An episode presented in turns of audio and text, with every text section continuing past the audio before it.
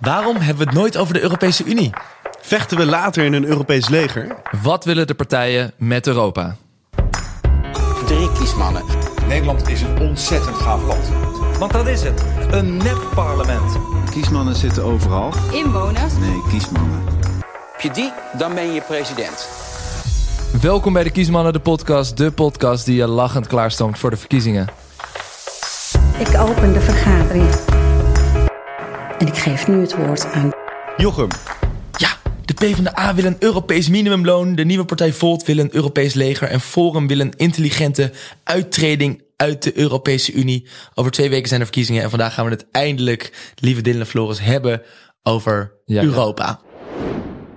Maar hier zie je weer dat D66 compleet van de wereld is. Die willen het liefst Nederland zo snel mogelijk afschaffen. Hoofdstad van Europa, Brussel. Weg met het Nederlandse leger. Eén Europees leger dat allerlei avonturen kan gaan beginnen. Dag D66 gaan we niet doen. Wij zijn voorstander van een nexit. Ik ben voor uittreding uit de EU. Dat is het partijstandpunt, want wij denken dat de Europese Unie onherroepelijk, onvermijdelijk al de lidstaten forceert in een Verenigde Staten van Europa. En dat het vooral de zaak is om nu te kijken wat zijn de zorgen die zowel die oude generatie als die jongere generatie, de mensen die zich pro-Europees noemen en die zich eurosceptisch noemen, wat zijn de zorgen die mensen allemaal hebben? En hoe kunnen we daar recht aan doen? Ik denk namelijk dat we met alle generaties delen, en welke afkomst je ook hebt, dat we ons zorgen maken over dat we in Europa wel het vrij verkeer van personen hebben geregeld, maar er niet in zijn geslaagd om werknemersrechten goed te beschermen. Goed, dat waren onze lieftallige politici Thierry Baudet, Sigrid Kaag en Jesse Klaver. Het is natuurlijk verkiezingstijd. Over twee weken zijn die verkiezingen. Dan borst het los. We hebben er waanzinnig veel zin in. Eh, zoals elke, elke dag toch eigenlijk, eh, jongens? Ja, altijd hartstikke leuk om hier weer te zijn. maar vandaag extra, want we moeten het echt over Europa hebben. En het gaat eigenlijk nog vrij weinig over Europa in de politieke debatten. Precies, dus ik kijk heel erg uit om deze podcast te bespreken. Waar staan nou al die politieke partijen op het thema Europa? Maar voordat we dat gaan doen, wil ik toch heel eventjes de kijkers meenemen naar onze verkiezingsshow. Volgende week op 9 maart in Paradiso Amsterdam. Dat is echt een show waar we al maanden naar uitkijken. Waar we met een enorme redactie al maanden mee bezig zijn om dat voor te gaan bereiden. Ik ben mijn liedjes aan het schrijven, mijn binnenhofballades. Die eh, worden mooier, langer en eh, hopelijk ook eh, zuiverder dan ooit. Eh, jullie zijn aan het, jullie gaan dansen. Toch? Dit is even een dit primeur wel.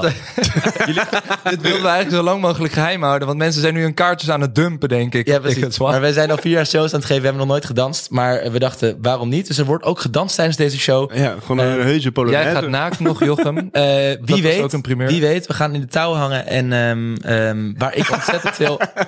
ik heb er ontzettend veel zin in. Dus ik zou tegen iedereen zeggen die nog niet weet wat hij moet stemmen. Nu je podcast op pauze. Koop gewoon nu een kaart. Zet die podcast. Wat fuck de podcast? Zet nu de podcast op pauze en koop een kaartje. Wij wachten heel even. 9 maart, paradiso.nl. Dan kan je het vinden. Oké, top. Kaart zijn gekocht? Ja. Go. Kaarten zijn verkocht. Goed, dan kunnen we het nu eindelijk hebben over het thema waar wij ook al ontzettend lang naar uitkijken. Eh, niet alleen de verkiezingsshow, maar ook dit thema. De Europese Unie. Eh, want juist die Europese Unie, het is misschien nu wel belangrijker dan ooit. We zitten eigenlijk opgesloten in ons eigen land. We hebben een opkomende Chinezen, de Russen, de Amerikanen die we niet meer kunnen vertrouwen. We hebben een grote klimaatcrisis. We moeten digitaliseren ehm, op, op grote schaal. Ehm, en toch een beetje een anticlimax. Eigenlijk wordt het juist in Politiek Den Haag, in de Nederlandse media, in de Europese media. Europese Unie is stelselmatig een niet sexy onderwerp. Het wordt niet besproken in de debatten. Maar wij vinden juist dat dit een thema is waar heel veel politieke partijen iets van vinden. Wij gaan er En- veranderingen brengen. Dat onze kiezers daar iets van moeten weten. cirkel doorbreken met onze podcast. Precies. En waar, maar waar ligt het nou aan? Hè? Hoe komt het nou dat dit thema eigenlijk nooit wordt besproken in de media, eh, zowel in Nederland als Europa? Daarvan heb ik een van de grootste Europa-kenners uit Nederland gevraagd of hij dat aan onze podcastluisteraars kan vertellen. Ja, natuurlijk wil ik dat. doen. Nee, het is niet Floris, die was druk. Ben ik het? Eh, jij ook niet? Nee, het is niemand minder dan eh, Europa-correspondent van de NOS, Sander van Hoorn. Laten we even gaan luisteren. Europese besluitvorming is enorm ongrijpbaar. Als er een idee is van een land, van de Europese Commissie of het parlement, dan gaan er soms wel jaren overheen voordat het uitgevoerd wordt. En voor ons is dat ook een dilemma, want wanneer besteed je er dan aandacht aan? Dat betekent in de praktijk dus vaak helemaal aan het begin of helemaal aan het einde van dat proces. En dat proces dat duurt zo lang vanwege de manier waarop wij de Europese Unie georganiseerd hebben. Europese wetgeving is een lang proces van onderhandelingen tussen de Europese Commissie, het dagelijks bestuur, het democratisch gekozen Europees Parlement en de lidstaten. Sneller kan wel, maar dat betekent dus minder macht voor het Europees Parlement of minder macht voor de lidstaten. Dus in een minder federaal of juist in een heel federaal Europa zou het allemaal veel helderder en sneller zijn en zou de berichtgeving dus ook veel uitgebreider zijn. Bovendien, als er problemen zijn met regelgeving, dan worden die vaak toch eerst in de nationale parlementen besproken. Tegen de tijd dat het dan op een Europees platform terechtkomt, is de discussie vaak al wel gevoerd. Je ziet het trouwens wel veranderen. De aandacht die wordt meer naarmate de Europese Unie meer directe bevoegdheden naar zich toetrekt. Het gemeenschappelijk lenen van geld, maar ook het aankopen van vaccins bijvoorbeeld. En zeker zie je dan, als het fout gaat, ja, dan is de aandacht er opeens toch wel. Ja, en dat was Sander van Hoorn. Dankjewel van de NOS. dit is toch, dit is ja, ten eerste. Ik vond het fantastisch. Dit vind ik toch heerlijk in je hij, oor. eh, mee, mee wil werken aan deze Maar podcast. kan hij ook normaal praten? Of is dit gewoon ook hoe die boodschappen doet? Dit is, maar heel Nederland kent toch deze Met stem? een vriendin praten. Ja, ik wil graag één broodje. Maar dan ook met een plastic tasje. Nee, want die mogen niet meer van de Europese Ah, Unie. heel goed. Een, een heerlijke NOS-stem. Ehm, maar, maar wat hij zegt, eh, Floris, kan jij, jij je daar wel in vinden? Ja, ik kan me er wel in vinden. En eh, ik denk ook wel, eh, wat hij zegt, is goed om in je achterhoofd te houden. Want mensen zullen misschien ook denken van, waar moeten we nu weer over Europa hebben? Daar hebben we toch de Europese verkiezingen eh, voor. Dan kunnen we het toch met z'n allen gaan hebben over Europa. Maar wat Sander heel goed uitlegt, is dat we eigenlijk op twee manieren met de Europese Unie te maken hebben. Eén is via het Europese parlement. En twee is ook dat onze eigen parlementen en kabinetten constant ook in overleg zijn met de Europese Unie. Dus ook de mensen die in ons parlement zitten, bepalen uiteindelijk ook ons Europees beleid eh, en moeten daar beslissingen over nemen. Dus eh, het is heel goed dat we dit thema nu ook bespreken, juist ook voor de Tweede Kamerverkiezingen. En ehm, ik denk dat hij zeker eh, gelijk heeft in zijn analyse dat we daar eigenlijk te weinig over horen. Er is ook nog niet echt een heel groot Europees media. Wat, eh, wat iedereen leest, bijvoorbeeld zoals wij hier gewoon bepaalde kranten hebben die heel erg veel informatie brengen over nationale politiek. Ja, op Europees niveau hebben we dat nog niet echt. Ja, die, gaan, die gaan wij oprichten. Ik wou net zeggen, misschien is het idee Ja. om deze podcast gewoon na de verkiezingen in het, in het Engels te vervolgen. In het Frans. Ehm, in het Frans, dat natuurlijk ook nog. Ehm, maar goed, dat is eh, tot zover ehm, eh, Sander van Hoorn. Ehm, welke twee onderwerpen gaan we vandaag eh, aan de kaak stellen onder dat kopje Europa? Hoe staan die Nederlandse po- politieke partijen ten opzichte van Europa? We gaan kijken ten eerste naar ehm, eigenlijk de ehm, eh, economische voorkeuren. Welke partijen willen meer een sociale Europese Unie en welke willen meer een eh, ja, Europa als, als vrijhandel, eh vrijhandelsregio? Eh, en als tweede gaan we kijken naar het kopje geopolitiek. Hoe moet Europa zich manifesteren ten opzichte van de, van de Chinezen en de Russen? Ehm, dus laten we dat gaan doen. Laten we beginnen met die sociale versus economische unie, zoals we het hebben geho- eh, gehoord. Daar zijn, zitten eigenlijk de grote verschillen tussen die Nederlandse politieke partijen. Wat ze daar nou mee willen. Ehm, eh, en daar hebben wij onderzoek naar gedaan. Eh, onder andere de Europa-kenner Floris, eh, uiteraard. Ehm, vertel even, zo'n sociale unie, wat, wat bedoelen we daar precies mee? Nou ja, misschien is het dan nog heel veel goed om een soort van kleine crashcursus geschiedenis Europese eenwording te doen. Want Europa begon natuurlijk na de Tweede Wereldoorlog een soort van puinhoop. Eén ding wilden we niet meer en dat was die grote oorlog. En daar kwam toen op een gegeven moment iemand, namelijk de heer Schuman, met een heel goed plan. En dat was om eh, kolen- en staalindustrieën samen te binden, eh, Europees wijd. Wat zou betekenen dat geen land onafhankelijk meer eh, van elkaar niet meer een leger zou kunnen maken. Langzamerhand is dat steeds uitgebreid eh, naar een grotere economische reunie. Waarin we met landen gingen samenwerken om bijvoorbeeld inderdaad, zoals je het al noemde, de interne markt te verbeteren. Grote handelsmarkt is voor ieder lidstaat gunstig. En we zijn sterker. En nu in de afgelopen jaren zie je ook dat we steeds meer een socialere en politiekere unie krijgen. Ja, want die is wel lang achtergebleven. Die sociale dimensie is eigenlijk altijd eh ja, te- teloor gegaan. Hebben de Engelsen ook vaak voor gevetood. Die liggen er nu uit. Dus volgens mij is nu ook eh, ruim baan voor vooral de linkse partijen die dat willen, verder willen doorvoeren. Dus, dus zo'n economische unie, daar, dan hebben we het dus over eigenlijk wat, wat we op dit moment hebben. Dat betekent vrijhandel, eh vrij verkeer van goederen. Onder andere dat je geen tarieven betaalt tussen verschillende landen als je handel wilt drijven. Eh, dat is echt een, ja, een economische eh, Ja. vrijhandelszone. Maar die sociale unie, dat zou dus bijvoorbeeld betekenen dat we ook gemeenschappelijk belastingen gaan heffen. en dat we het vervolgens uitgeven aan bijvoorbeeld een Europees minimumloon. Om maar wat te noemen. Hoe, hoe staan die Nederlandse partijen? Hoe kijken die naar hoe deze Europese Unie vorm moet worden gegeven de komende jaren. Ja, dus een gemeenschappelijke belasting in eh, is alweer, zal weer een, verder stadium zijn. Uh, maar wat we nu in ieder geval hebben, uh, of wat nu op tafel ligt door partijen hier in Nederland, is bijvoorbeeld een Europese minimumloon. En waarom is het belangrijk? Nou, we weten natuurlijk dat er heel veel arbeidsmigratie is in, in Europa. Vaak al Zuid- en Oost-Europeanen die naar het noorden trekken. Omdat de omstandigheden, sociale omstandigheden hier ook beter zijn. Bijvoorbeeld een minimumloon. Um, en daarom zegt bijvoorbeeld PvdA of GroenLinks, die zeggen van uh, laten we dat minimumloon uh, helemaal gelijk trekken in heel Europa.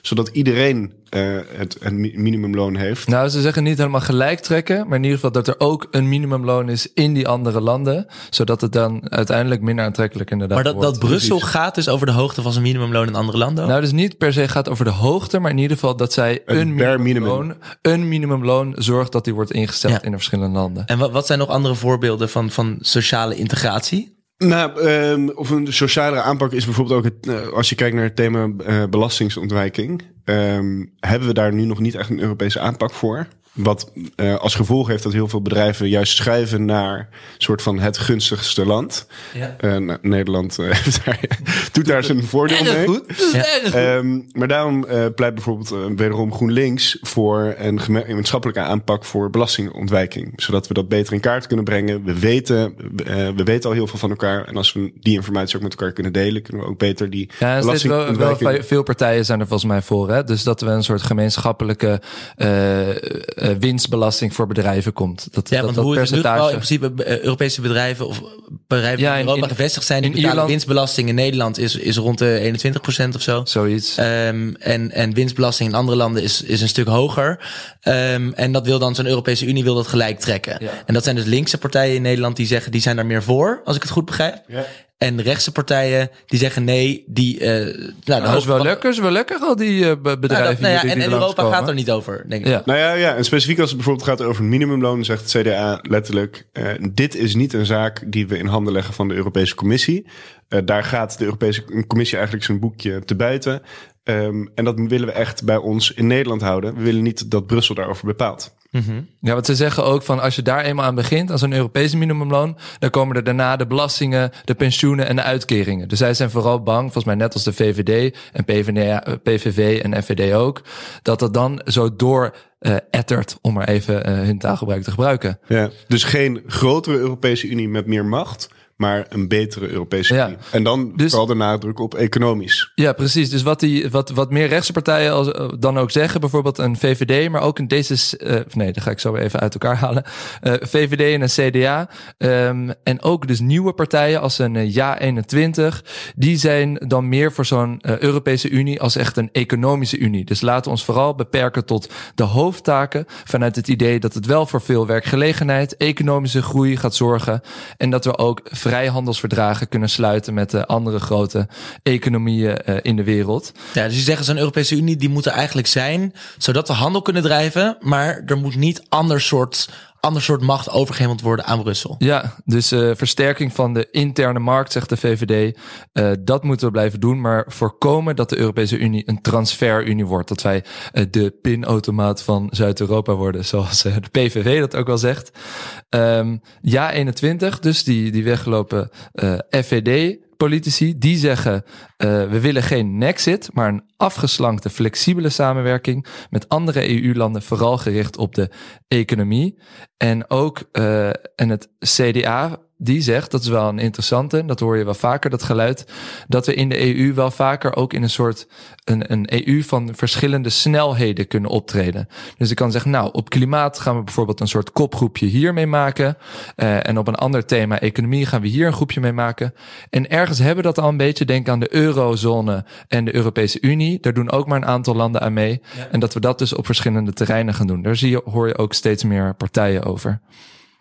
Ja, als ik er zo naar luister, denk ik van, nou, aan de ene kant wel leuk, want dan kan je een soort van, kan iedereen een beetje uitpikken wat hij wil. Ja. Aan de andere kant wordt het natuurlijk zo'n grote, eh, ja, mengelmoes aan allemaal verschillende afspraken. Dan wordt het toch gewoon helemaal niet meer, dan wordt het misschien nog wel nog meer ambtenarij dan Brussel. Ja, nou ja, het probleem wordt zeker inderdaad als je bijvoorbeeld, wat je nu een beetje gaat zien, eh, dat sommige eh, landen er andere regels omtrent de rechtsstaten gaan op na gaan houden. Eh, een Polen en een, Rucht, en een Hongarije die het wat minder nauw nemen met de rechtsstaat dan andere landen. Nou, als we daaraan natuurlijk gaan morrelen, of, of hoe noem je dat, daaraan gaan zitten. Nee, daaraan gaan... eh, Ja. Tornen. tornen, mooi, daaraan gaan tornen, dan wordt het natuurlijk eh, wel een heel rare waardegemeenschap wat de, wat de Europese Unie is. Maar is het dan zo dat alle linkse partijen per se voor sociale integratie zijn? Oh, wat een prachtige brug. Nee, natuurlijk niet. Oh nee? Nee, er zijn inderdaad ook eurokritische partijen eh, aan de linkerzijde van het politieke spectrum. Dat zijn bijvoorbeeld de SP en de Partij voor de Dieren. En zij Wa- zien... waarom dan? Want je zou, je zou zeggen, die, zijn, eh, ja, die, die zien ook wel Europese solidariteit, samenwerking. Ja.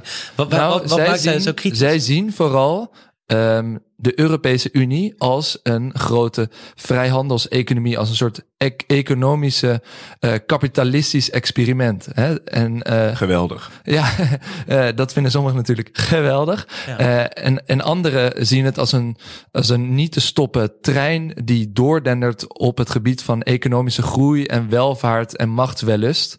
Eh, ook richting andere landen buiten de Europese Unie.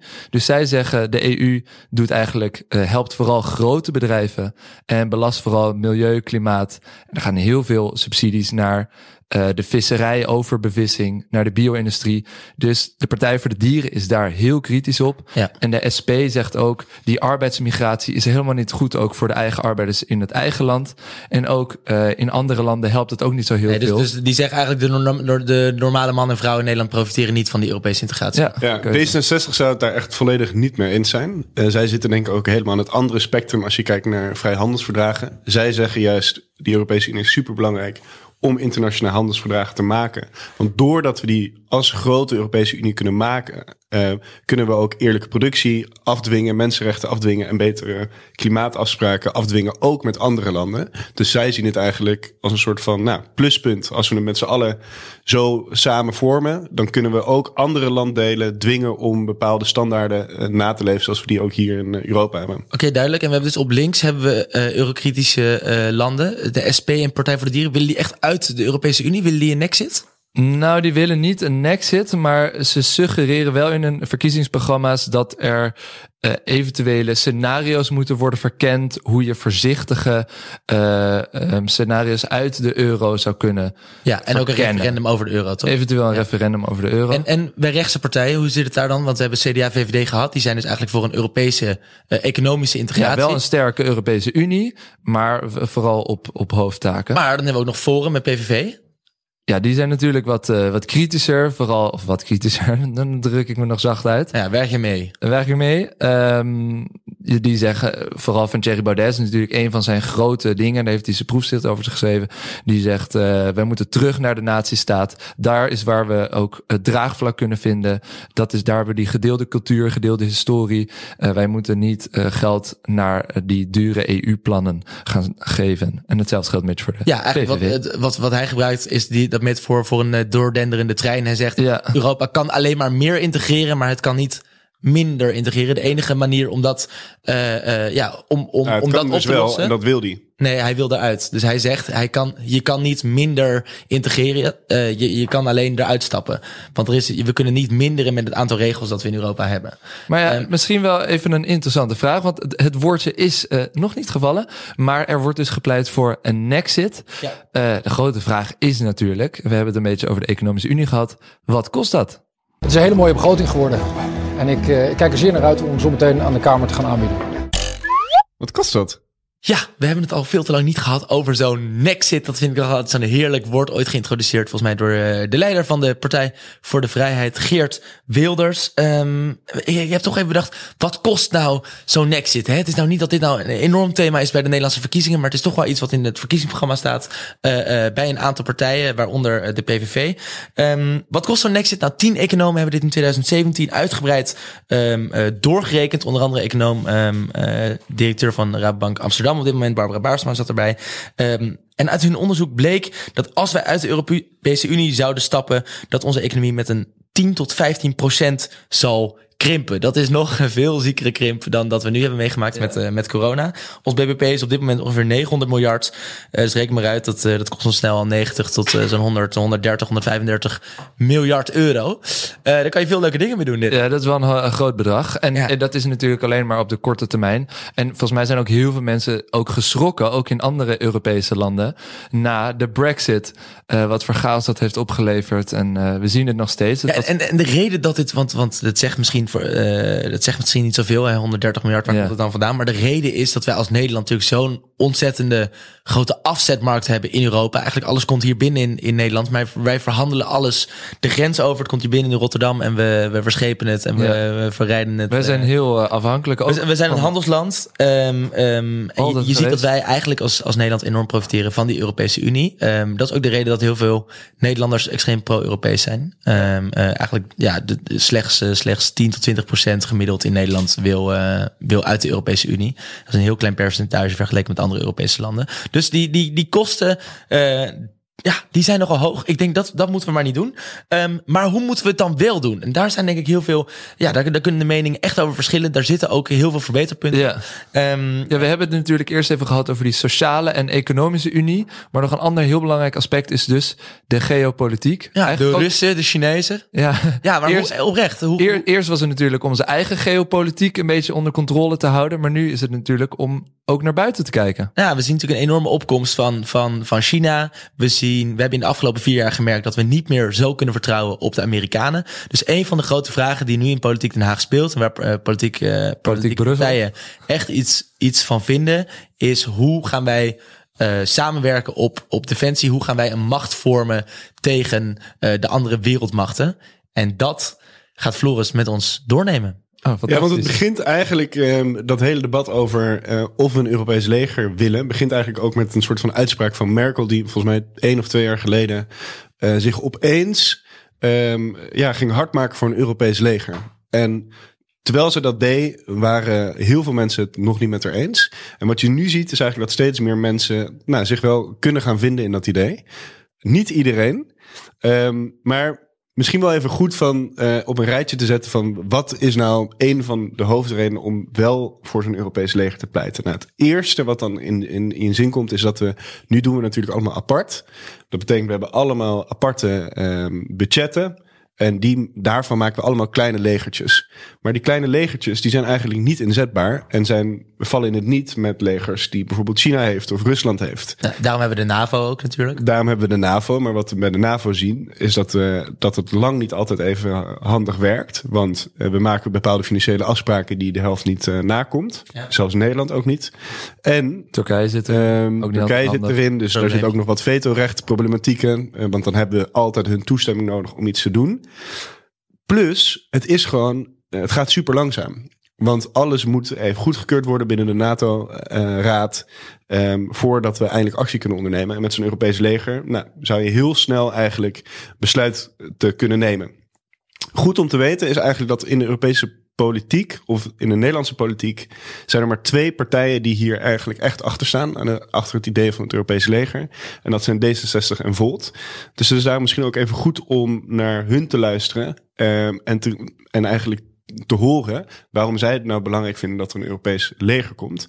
En daarom hebben we Niliver Gundogan gevraagd. Uh, is de uh, tweede staat ze op de lijst van Volt. De Europese partij hebben we eigenlijk nog niet wat, heel goed, nee, misschien goed behandeld. Heel, in één zin introductie, wat is Volt ook weer? Een hele jonge partij. Pro-Europees is echt hun karakter. En zij vinden dat op. Uh, zij zijn pro-Europees omdat ze vinden dat er bepaalde problemen zijn, zoals bijvoorbeeld klimaat, uh, maar zoals ook bijvoorbeeld uh, belastingsontwijking of dus het leger, die we alleen Europees kunnen op, oplossen. Dus we gaan even luisteren. Hey kiesmannen, met Niliver Gundogan van Volt Nederland. Jullie hebben mij gevraagd waarom een Europees leger nodig is. Wij hebben legers nodig om aan onze grondwettelijke taak te kunnen voldoen om onze burgers te beschermen. En op dit moment is geen één Europees land in staat om dat te kunnen doen.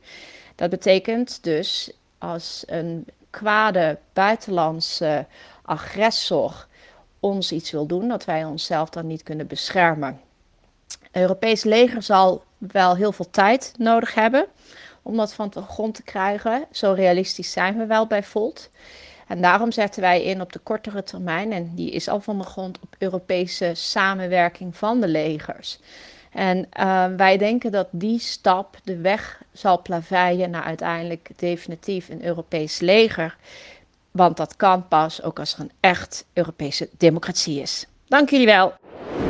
Ja, dat was Nilufer van Volt. Uh, nou, interessant om te horen. Een nieuwe partij. En die dus echt wat uh, unieker standpunt inneemt. Volgens mij samen met D66 zijn zij natuurlijk echt wat verdergaand in die Europese integratie. Zij noemen het een krijgsmacht overigens. Een krijgsmacht, ja. ja. En maar wat ik me dan voorstel, hè, is, is even heel praktisch. Hoe ziet het eruit? Zij zegt uiteindelijk, als de, Europese als de Europese Unie democratischer is, dan zitten we in een Europese krijgsmacht. Zijn Zitten we dan dus in een, in een gezamenlijk leger met, uh, vlieg ik dan in Hongaarse F-16's en, uh, en Italiaanse marineschepen? Of, ja, ik, ik, denk wat heel, heel belangrijk is om te realiseren, is dat het niet of-of is. Hè? Dus een Europees leger betekent niet dat wij als Nederland helemaal geen leger meer hebben. Volgens mij wat zij onder andere D66 en bijvoorbeeld de moeite waard vinden om te onderzoeken, is om te kijken van kunnen wij een gezamenlijk leger ja. vormen van allemaal verschillende Europese militairen die gezamenlijk ingezet kunnen worden om bijvoorbeeld gestationeerd te worden. Maar dat betekent dus ook dat je uh, onder leiding van bijvoorbeeld een Orbán of uh, uh, een, een nou, onder leiding van de Europese Unie is het dan, hè? Ja, nou ja, maar die, die gaan er natuurlijk ook. Ik kan me zo voorstellen dat de, de Europese Raad er dan ook over gaat. Van regeringsleiders, dat die samen ook daarover moeten stemmen. Wij gaan een missie doen in Mali of Afghanistan. en Nederland is daar bijvoorbeeld tegen. Maar dan worden toch Nederlandse militairen naar het buitenland gestuurd. Nou ja, er zijn natuurlijk allemaal dingen voor te verzinnen. En dat gebeurt nu ook in de NATO. Hè? Dus alle landen die daarin zijn, die NAVO. Sorry, NATO is het Engelse, NAVO is inderdaad de Nederlandse uh, begrip. Maar dat hebben we daar ook. Daar stemmen we ook over bepaalde besluiten. En ik kan me goed voorstellen dat daar een technische oplossing voor te vinden is. Nou, maar daarom gebeuren die missies ook niet zo vaak en worden ze als een beetje lam gezien. En hetzelfde kan ik me voorstellen bij de Europese Unie. We vinden het daar al heel moeilijk om, uh, om uh, samen overeen, over dingen overeen te komen.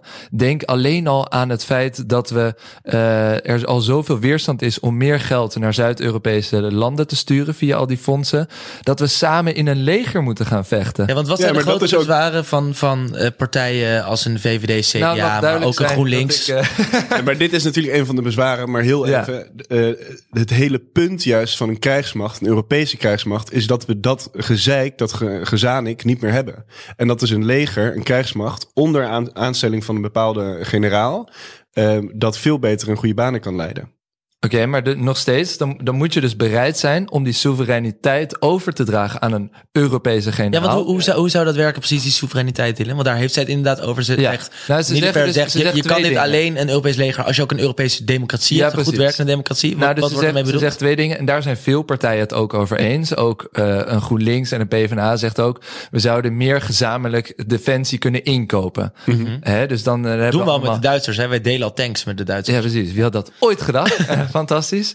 Um, dus, dus daar kan nog een hoop gebeuren en daar zijn een hoop partijen het over eens. Maar die volgende stap naar, uh, we gaan via meerderheden in de Europese Raad van bijvoorbeeld ministers van Buitenlandse Zaken of Defensie uh, beslissen dat wij een missie gaan doen terwijl Nederland tegen is, geen veto heeft naar uh, Syrië, Irak ja, of een ander land. Is het hele punt, dat is volgens mij het hele punt. Hè? Dat wij dus als Nederland, stel wij willen niet uh, uh, ons, ons Europees leger naar Irak sturen, ja. dan heeft Nederland er in dit geval eigenlijk niet zo heel veel over zeggen, want ze kunnen niet vetoen. Nou, ja. dat, dat zou dan een mogelijkheid zijn. Het zou goed, dat, uh, nog een ander ding. Ik vroeg me nog wel af, hè. Er, er zit niet namelijk nu ook niet alleen een, een, een, een uh, principieel argument in, of een cultureel argument. Zouden wij met elkaar dan uh, uh, zij aan zij in een Europees leger willen.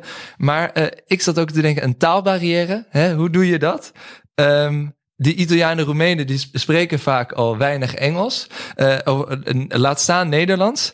Uh, moet je dan voorstellen dat je dan samen ergens in de woestijn staat en, en, en zo'n zo'n Italiaanse generaal die roept dan... ah, guarda, ai russi che arrivano, e schieten, e schieten, taga taga taga Ja hoor. Ja, maar het- even serieus. Zie je dat? Ja, maar jij bent helemaal niet serieus. Dus dat is, dat, ik zit hier ook echt oprecht op te vreten. Want waar we aan Op voorbij... te eten, denk ik. Op te vreten. Maar op, de- waar ik, waar ik, want een van de eh, belangrijkste punten waar we nu een beetje aan voorbij gaan, is dat we op dit moment gewoon niet weerbaar zijn. Er zijn enorm grote wereldmachten die grote krijgsmachten hebben, die ons in principe gewoon kunnen opslokken, zonder dat wij sla- eh, bepaalde slagkrachten hebben terug. Ja, maar ik snap Dylan wel. We hebben ook geen slagkracht als jij die Italiaan niet verstaat. En in principe... Ja, maar Ja. goed. En in principe Ja, maar dit bestaat- is zo'n nou, kakargument, want in principe zijn er genoeg internationale in- eh, organisaties die wel goed fun- kunnen fungeren, waar ook eh, mensen uit verschillende regionen natuurlijk ook de samenkomen. VN, eh, Blauwe Helmen. Precies, heb jij nog gewerkt, dus dat zou je moet, goed moeten weten. Ja, ja, ja, dat want als je de cijfers er even bij haalt, dan komt het erop neer dat als wij onze legersbudgetten bij elkaar zouden eh, rapen, dan zouden we gewoon sterker en machtiger zijn dan bijvoorbeeld een, krijgsmacht van Rusland of China. En dan hebben we eenmaal een vuist en dan kunnen we ons continentje gaan verdedigen. Op dit moment kunnen we dat gewoon nog niet. Kijk, Rusland die, die eh, doet gewoon maar lekker waar het zin in heeft. In Oekraïne bijvoorbeeld. Wij eh, denken van ja, eh, nou, eh, hmm, wat moeten we ermee? Ik kunnen vraag, er geen antwoord ik op geven. vraag me af of je met de issues waar we het nu al problemen over hebben, klimaat, migratie en die economische samenwerking, als daar al zo weinig draagvlak voor is, zo zeggen ook rechtse partijen, Mhm. zoals VVD, CDA en al helemaal PVV en VD, hoe ga je dan ooit een gezamenlijk leger met een gezamenlijke draagvlak Maar dit is niet per se een argument tegen een leger. Want wat jij nu zegt is, er is geen draagkracht. Eh, en daarom moeten we Draagvlak. een draagvlak en daarom moeten we geen leger doen. Is net zoals een beetje als je zegt, er is geen draagvlak voor een gemeenschappelijke Europese klimaataanpak. Maar het zegt nog niet per se waarom dat niet zo zou moeten zijn. Want als er op tafel ligt, de feiten liggen op tafel, en het is daadwerkelijk zo dat wij krachtiger en machtiger zijn met een gemeenschappelijke leger, dan vraag ik me wel af waarom dat draagvlak er dan nog niet is. Nou ja, dus dat kun je natuurlijk met heel veel scenario's gaan bedenken, met heel veel goede ideeën. Eh, maar uiteindelijk eh, moet er denk ik in een democratie is draagvlak heel erg belangrijk. Dus ik denk eh, dat het ook vooral aan de luisteraar is om te bedenken wat diegene het Ik, belangrijkste voel, ik heb het wel een beetje het idee dat ik hier als moderator van het NOS verkiezingsdebat toch een beetje naar mijn politieke vrienden Dylan en Floris aan het luisteren ben. Ja. Van, eh, is een goed verkiezingsdebatje. Ik hoop dat het voor de, voor de luisteraar wat duidelijker is geworden. Eh, ik weet het niet. Laten we hopen van wel. Laten we hopen van wel. Dan is het denk ik gewoon tijd om eens wat creatiever, meer out of the box te denken aan het eind van deze aflevering. Dus het is tijd volgens mij voor een waanzinnig wetsvoorstel. Een waanzinnig wetsvoorstel.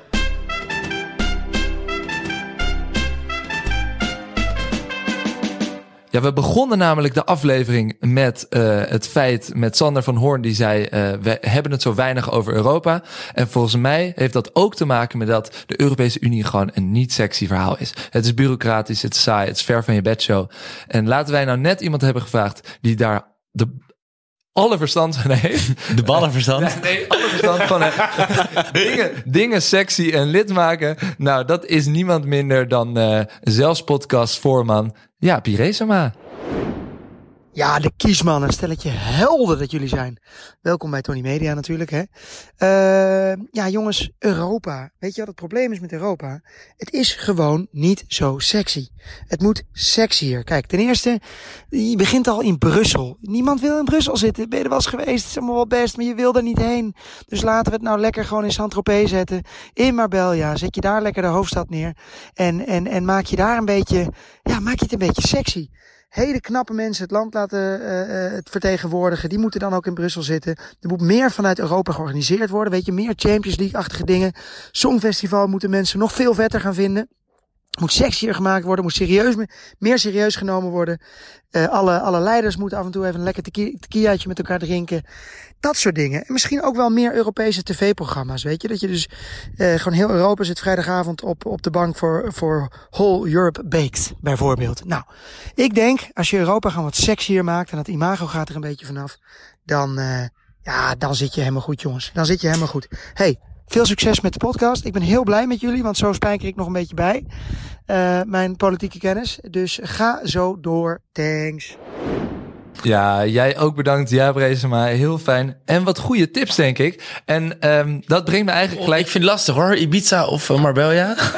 ik weet het al niet. Uh, allebei prachtige keuzes, denk ik. Maar waar ik wel aan zat te denken is... Uh, stel, wij voeren nou al die ideeën door van, van Jaap. Hè, en we ontwikkelen een, een soort gedeelde Europese cultuur uiteindelijk. En dat er meer support komt voor zo'n Europees leger. Waar Geweldig. Zo'n fan van is.